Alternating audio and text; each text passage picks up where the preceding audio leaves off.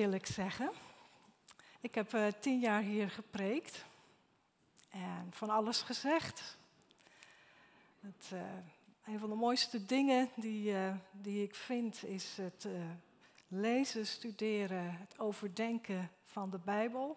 Dat heb ik echt het mooiste gevonden om te doen, wat er allemaal, ah, wat er allemaal boven kwam. Geweldig. Dus daar ging ik dan hè, op kouwen doordenken.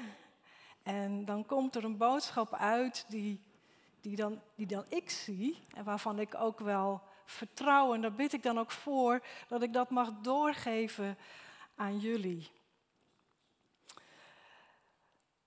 Maar ik vind toch, vraag mij af of dit nog wel de weg is om het zo te doen. Ik vraag het me voor mezelf af hoor. Ik kan zijn dat andere sprekers dat zo niet zien. Ik vraag me af of het zo moet. Want ik zou eigenlijk gewoon zoveel liever dat met elkaar doen. Dat we dat met elkaar doen. Dat, dat woord van God, wat, wat voor ons is, in ons dagelijks leven, dat het tot bloei komt, dat het open gaat voor een ieder van ons. En oké, ik, ik, ik breng het. En dan denk ik, nou, dat, dat gaat wel iets doen, maar lang niet altijd. En dat snap ik ook. Want we zijn allemaal zo verschillend. En eigenlijk moet je er zelf mee bezig zijn. Dan komt het het beste tot je. Dus ik ben een beetje naar op zoek van hoe kan dat dan anders? En goed, ik ga een beetje een poging wagen vanmorgen. Het is echt niet uh, zo heel erg anders hoor, dus wees niet bang. Ik ga, we hebben het wel eens eerder zo gedaan. Maar goed, ik, ik wil jullie iets aanreiken en dan een, een vraag stellen waarbij je het zelf kan uitwerken. Zodat het voor jou wordt, voor jouw leven. Dat God in jouw leven kan spreken, dat de geest jou kan aanspreken. Nou, we gaan het gewoon proberen. Je hebt gezien misschien in de nieuwsbrief, daar staat nu bovenaan dat de dienstencommissie zegt je mag feedback geven. Er staat ook meteen een knop. Uh, dus dat mag je doen deze week. Geef feedback over hoe je dat vanochtend hebt ervaren. Of dat je zegt, nou, ik heb ook nog wel andere ideeën hoe je dat zou kunnen doen. We gaan in ieder geval het verhaal lezen uit Johannes 21. En dat verhaal is het slotakkoord van uh, het evangelie. Alles is gezegd in het evangelie van Johannes. Jezus is opgestaan. Hij is verschenen aan zijn leerlingen, zodat zij het weten, zodat dat zij het ook geloven. En dan blaast hij de geest op hen, zodat de geest in hen woont. En dan kan hij hen op weg zenden.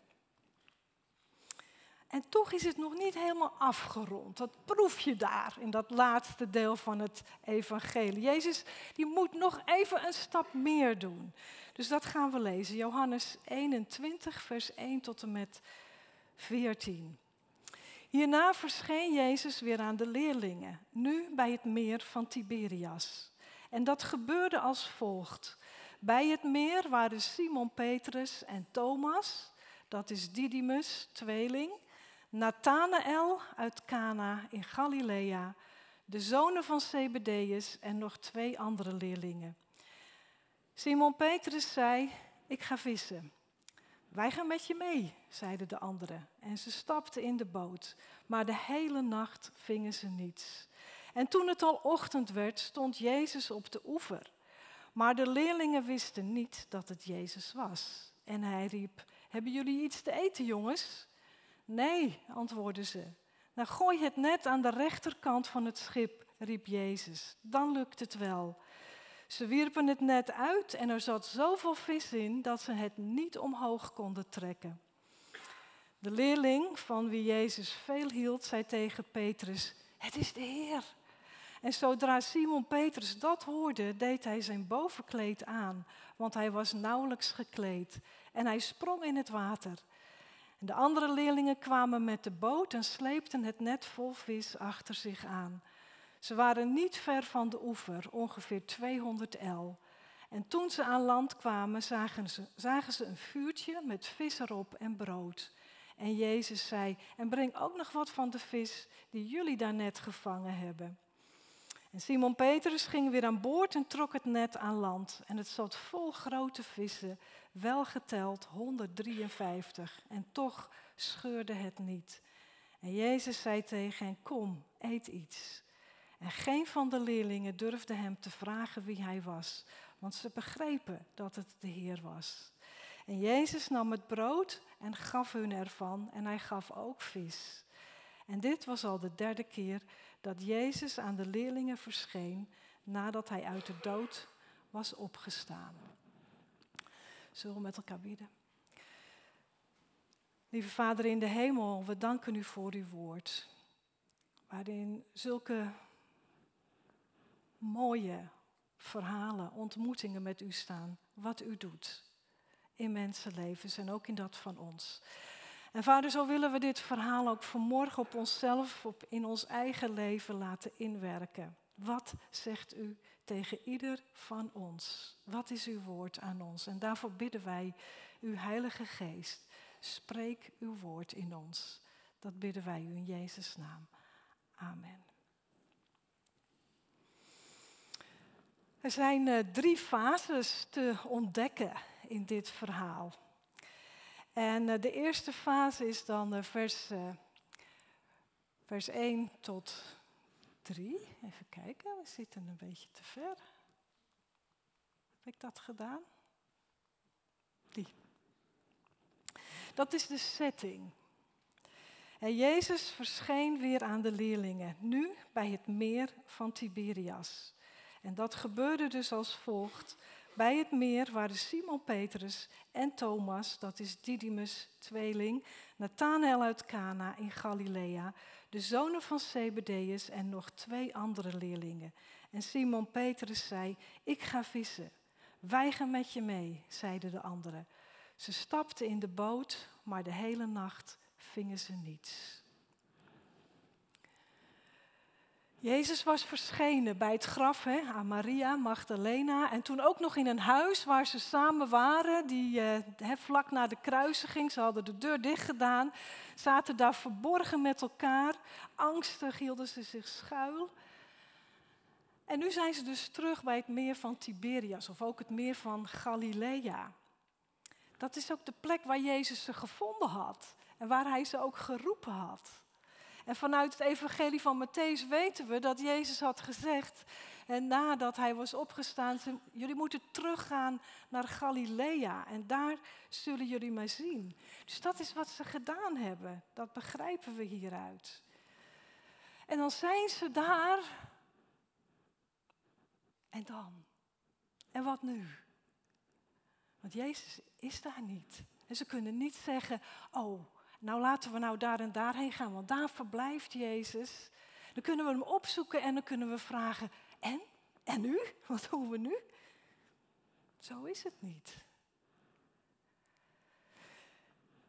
Dus wat doen ze dan? Ze pakken gewoon hun dagelijkse ritme weer op dat ze hadden. Hun taak. Want ja, tenslotte, ze moeten ook gewoon iets verdienen. Dus daar kun je van alles achter bedenken. Maar gewoon waarschijnlijk pakten zij hun dagelijks ritme op. Want ze moeten ook hun brood verdienen. Petrus was van beroep visser. Dat weten we ook uit de andere evangeliën. De zonen van Zebedeus, Jacobus en Johannes ook. De anderen die erbij zijn, gaan mee. En dan gaan ze s'nachts vissen. En dat was gebruikelijk in die tijd, zodat ze dan in de ochtend verse vis hadden om te verkopen. Heel logisch. Hoef je ook verder niet zoveel achter te zoeken vissen. En dat is wat Jezus had gezegd tegen ze. Ik zal jullie vissers van mensen maken. Dus het dagelijkse werk wat ze deden, hè, daar gaf Jezus een, een symbolische betekenis aan. Zoals jullie vissen vangen, zo zullen jullie ook dan mensen gaan vangen. En daarvoor zendt hij ze uit om dat te gaan doen. Dat heeft hij allemaal gedaan. En nu gebeurt er nog steeds niets. Nou ja, dan gaan we maar weer gewoon vissen. Want dat weten we in ieder geval, hoe dat moet. Dan werken ze de hele nacht door en hun hele harde werk en arbeid, het levert helemaal niets op. Dus je gaat een hele nacht werken en dan is het ook nog eens een keer voor niets teleurstelling, vermoeidheid, frustratie. En dan is Jezus er ook nog niet. Nou, daar wil ik jullie in uitnodigen. Om jezelf daarin te plaatsen. In deze situatie. Dus waar ben je mee bezig? Heel hard mee aan het werk. Kan het misschien te maken hebben gewoon met concreet dienen hier in de kerk, in de gemeente of misschien elders? Gaat het om iets in je eigen leven, persoonlijk leven? Een situatie die heel erg veel van je aandacht en je energie vraagt en waar je steeds mee bezig bent, dat steeds in je gedachten is, waar je steeds aan moet denken. Dat zijn de voorbeelden waar ik aan denk. Iets waarvoor je echt hard aan het werk bent. He, voor dat veel energie vergt. He, waar, je, waar je misschien wel voor aan het vechten en aan het strijden bent. En misschien is het gewoon je baan waar je hard aan het werk bent om een doel te bereiken. Of misschien gaat het om een relatie met iemand, een collega, waar het stroef loopt, waar je zo hard voor moet werken. Of een leidinggevende. Of misschien een vriend of een vriendin of een familielid. Of zelfs meerdere familieleden. Want daar moet je soms ook heel hard voor werken, voor die relaties. Dus een relatie waar je hard voor moet werken, waar je zorg over hebt. Zorg misschien ook om de ander. Of verdriet en pijn omdat die relatie niet is zoals je dat zo graag zou willen. Misschien gaat het ook om je eigen gezondheid. Dat, dat niet goed is. Dat je daar steeds mee bezig bent. Dat je er steeds ook voor hard voor moet werken. Om staande te blijven. Of misschien is het je toekomst. Dat je denkt, hoe moet het? Hoe gaat dit verder voor mij? En zo zijn er allerlei verschillende situaties in ons leven die, die ons bezighouden.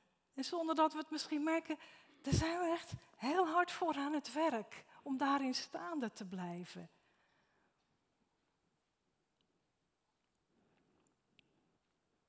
Het kan van alles zijn. Het hoeft niet meteen heel groot te zijn. Het kan ook best wat kleiner zijn.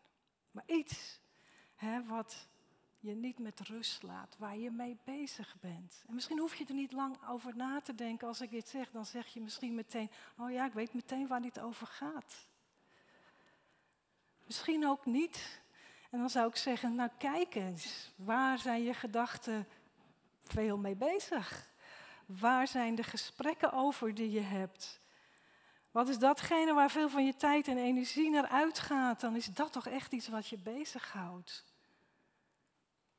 En het houdt ons zeker bezig als we weinig verandering zien.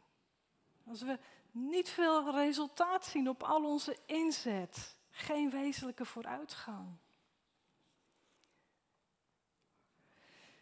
de leerlingen die waren s'nachts bezig in het donker. En ik dacht, ah ja, hè, zo kan dat ook voor ons zijn.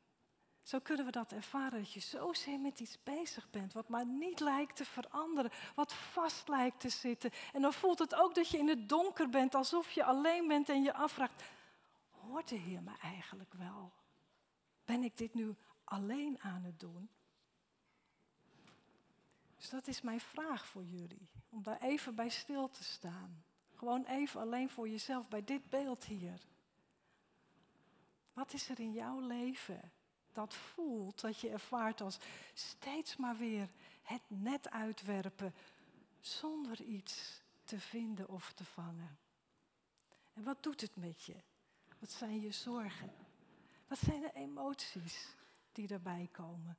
Laten we even stil worden. Dat ieder voor zichzelf dat op zich kan laten inwerken. En misschien ook wel dat Jezus het kan laten zien. Dit is het wat ik zie. Dit is het wat ik in jouw leven zie.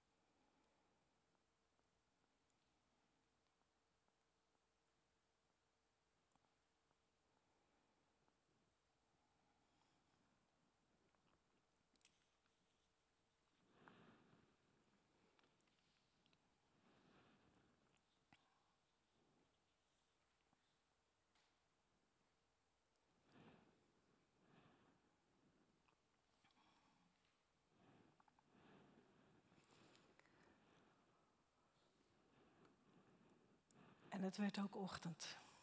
En dan stond Jezus op de oever.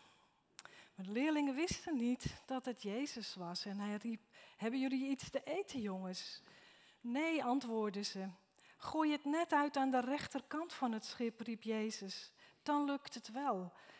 En ze wierpen het net uit en er zat zoveel vis in dat ze het niet omhoog konden trekken.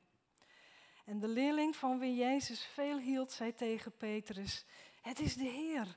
En zodra Simon Petrus dat hoorde, deed hij zijn bovenkleed aan, want hij was nauwelijks gekleed. En hij sprong in het water. En de andere leerlingen kwamen met de boot en sleepten het net vol vis achter zich aan. Ze waren niet ver van de oever, ongeveer 200 el. 100 meter. Het wordt ook licht na de nacht. Er staat daar iemand die mail heeft en die begrijpt wat er gebeurt en hij roept, eigenlijk staat er in het Grieks, jullie hebben zeker niets gevangen, hè jongens?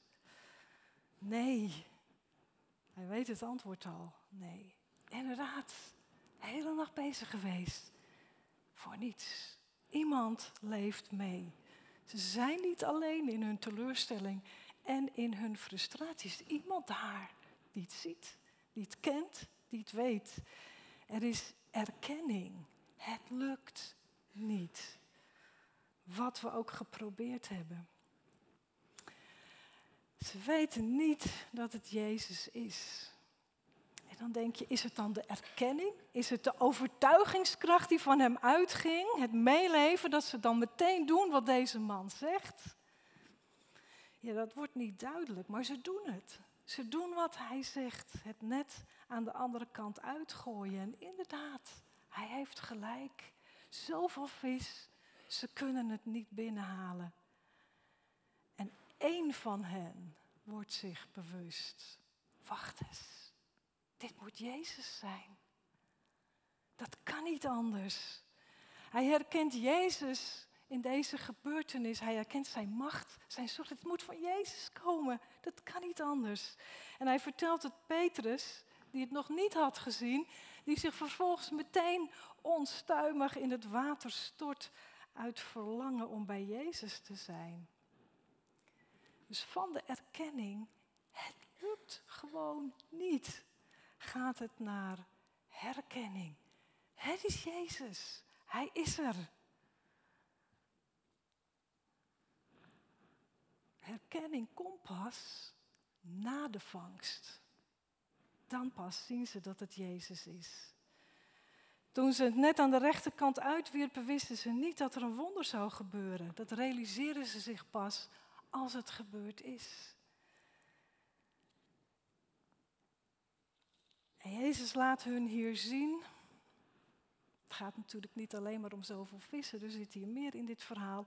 Jezus laat hen nu zien wat, wat hij ook in de, afscheidsreden al had gezegd tegen ze in Johannes 15. Blijf in mij, blijf in mij, want zonder mij kun je niets doen. En dat maakt hij opnieuw aan ze duidelijk met deze gebeurtenis. Zonder mij kun je niets doen, dus blijf in mij vissers van mensen worden kun je alleen als ik erbij ben. Dus ik wil jullie ook weer vragen, denk even weer terug aan die situatie die je net hè, voor ogen kwam in je eigen leven. Een nacht van hard werken en inzet zonder resultaat. Kan het zijn dat Jezus daar al wel staat, op de oever, op een afstand? Dat hij al wel tot je gesproken heeft en gezegd heeft, kijk er anders naar. Ik zie het hoor, ik weet het dat het niet lukt. Kijk er nou eens anders naar vanuit een heel ander perspectief, een andere richting. Blijf niet steeds doen wat je al doet, maar probeer het nu eens heel anders. in plaats van alleen maar zo te kijken aan de linkerkant, kijk nou ook eens naar de rechterkant. Dus kan het zijn dat Jezus je al lang aanspreekt, zonder dat je hebt herkend dat Hij het is. Herken je het niet, omdat je het niet graag hoort wat Jezus tegen je zegt. Omdat het ingaat tegen hoe je het zelf zo graag zou willen hebben. Dat het ingaat tegen hoe je het zelf zo graag zou willen zien. Want ja, dat zullen we wel moeten toegeven, dat Jezus ons daar aanspreekt waar wij de controle zelf in handen willen houden. Daar gaat Hij ons aanspreken. Het moet gaan zoals ik het wil. Dus daar, precies daar, spreekt Hij ons aan en zegt, daarom lukt het niet. Je moet naar de rechterkant. Hij spreekt ons daaraan waar wij niet graag willen veranderen en het dus ook niet horen. Maar we mogen weten dat Hij ook tot ons spreekt, dat Hij meeleeft en zegt, ja maar ik zie het wel hoor, dat je zo hard ermee bezig bent. Dus ja, jullie voelen hem natuurlijk aankomen. Waarin hoor je Jezus? Spreek het tot je. Dat Hij ook zegt, werp je net eens aan de andere kant uit. De kant waar je niet naar hebt willen kijken. De kant die je niet wil zien. En dat je denkt, oh nee, nee dat niet.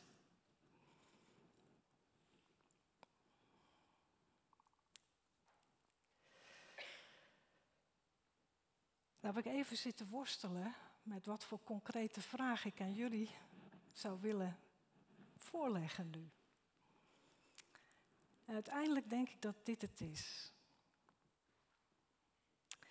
We hebben elkaar nodig om die stem van Jezus die spreekt ons leven, om die te herkennen. Net zoals dat ook hier in deze boot gebeurt met de leerlingen. Petrus zag het niet, maar die andere leerling wel. En die zegt, het is Jezus. En dan pas ziet Petrus het. Dus dat is mijn vraag aan jullie. Om even met degene naast je te overleggen. Hoe herken je nou Jezus' stem in je leven? Want niet alles natuurlijk, en waarvan gezegd wordt, kijk nou eens even naar de andere kant, niet alles komt dan ook van Jezus. Dat maakt het ook best lastig, dus je moet het onderzoeken. Hoe onderzoek je het nou wat van Jezus komt? En als je het niet onderzoekt, kan het zijn dat je hem niet hoort spreken. Dus dat is mijn vraag aan jullie, om even met elkaar te overleggen.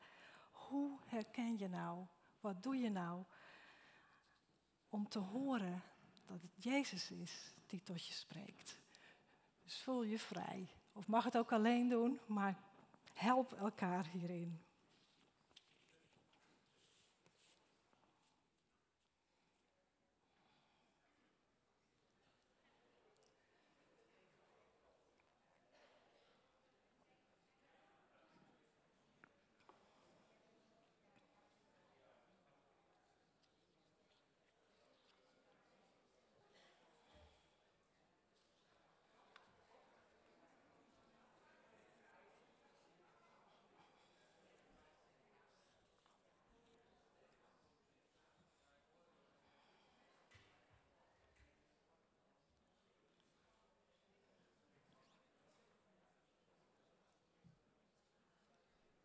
Gaat het afronden.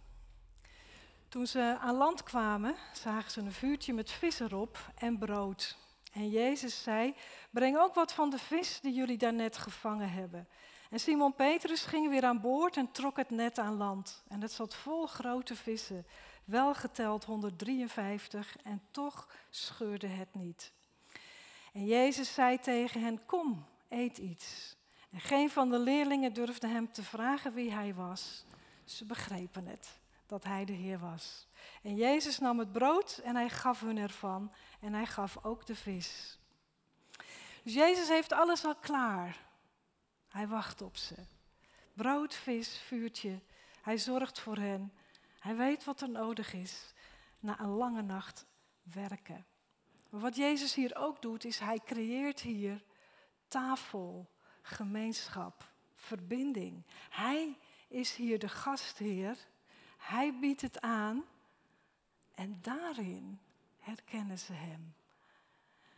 En Waarschijnlijk roept dat ook iets in herinnering over de, het verhaal van de Emmausgangers. Bekend verhaal uit Lucas, ook nadat Jezus is opgestaan. uiteindelijk nodigen ze hem uit bij hun thuis. En als ze dan daar aan de maaltijd aanliggen, dan neemt Jezus het brood. Hij spreekt het zegengebed uit. Hij breekt het brood en hij gaf het aan hem. En daarin herkennen ze, oh, dit is de Heer. Nou, wat ik niet wist, nooit is opgevallen, dit komt in Handelingen ook nog een keer terug, in Handelingen 10. Waarin verteld wordt, God heeft hem op de derde dag weer tot leven gewekt en hem aan de mensen laten verschijnen. Niet aan het hele volk, maar aan enkele getuigen die daartoe van tevoren door God waren aangewezen. Aan ons namelijk, die samen met hem gegeten en gedronken hebben nadat hij uit de dood was opgestaan.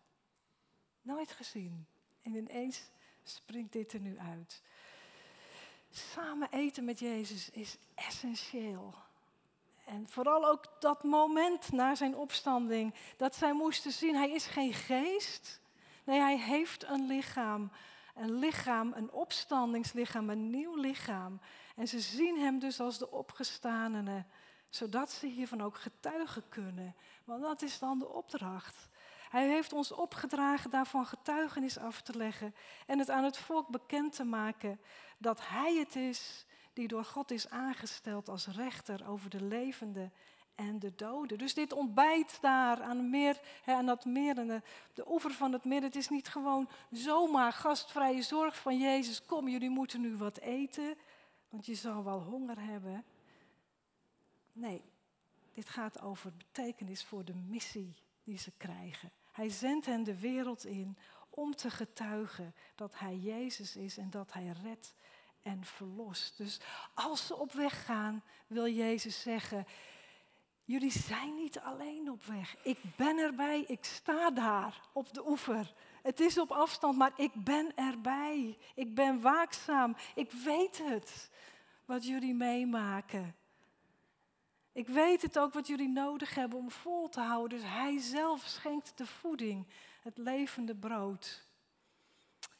Wat voor ons belangrijk is, en dat is niet altijd een wonder. Hoe verleidelijk dat ook is. Het gaat hier niet om het wonder. Het gaat hier om te laten zien, ik ben met jullie, blijf in mij, want zonder mij kun je het niet. Dus het is die gemeenschap met Hem, in Zijn aanwezigheid zijn, in Zijn aanwezigheid blijven, met Hem verbonden blijven, samen zijn met Hem en ook met elkaar. En dat zegt Jezus ook nog in Openbaring 3. Ik sta voor de deur van je hart en ik klop aan. En als iemand mijn stem hoort en de deur opent, zal ik binnenkomen en we zullen samen eten. Samen eten. Ik met hem en hij met mij. Dat is, de, dat is het symbool voor de verbinding die Jezus zoekt met ons. Want als we aan tafel zijn en samen met hem eten, dan, dan herkennen we hem. Tafelgemeenschap als beeld in de aanwezigheid van Jezus te zijn, die ons als gastheer geeft wat wij nodig hebben. Afhankelijk van Hem. Dus ik dacht bij mezelf, en hoezo herkennen we Hem dan? Ja, omdat Hij geeft wat geen mens ons geven kan. Daaraan herkennen we Hem. Dat wij die diepe innerlijke vervulling krijgen, die geen ander mens ons geven kan. Alleen Hij kan het. Daaraan herkennen we Hem. Dus in deze nacht van hard werken, waar je zelf ook in zit, zonder verandering resultaat, wat hebben we nodig in eerste plaats? In de aanwezigheid van Jezus zijn. Aan zijn tafel aanzitten. Stil worden. Ons leegmaken van alles wat wij allemaal willen. Wat wij allemaal nodig vinden. Om ons dan door Jezus alleen te laten vullen. U alleen kan het, Heer. De deur van ons hart willen wij voor u openzetten. Stil worden voor u. In uw aanwezigheid zijn. En tegelijk denk ik, oh Heer, leer ons hoe we dat doen. Amen.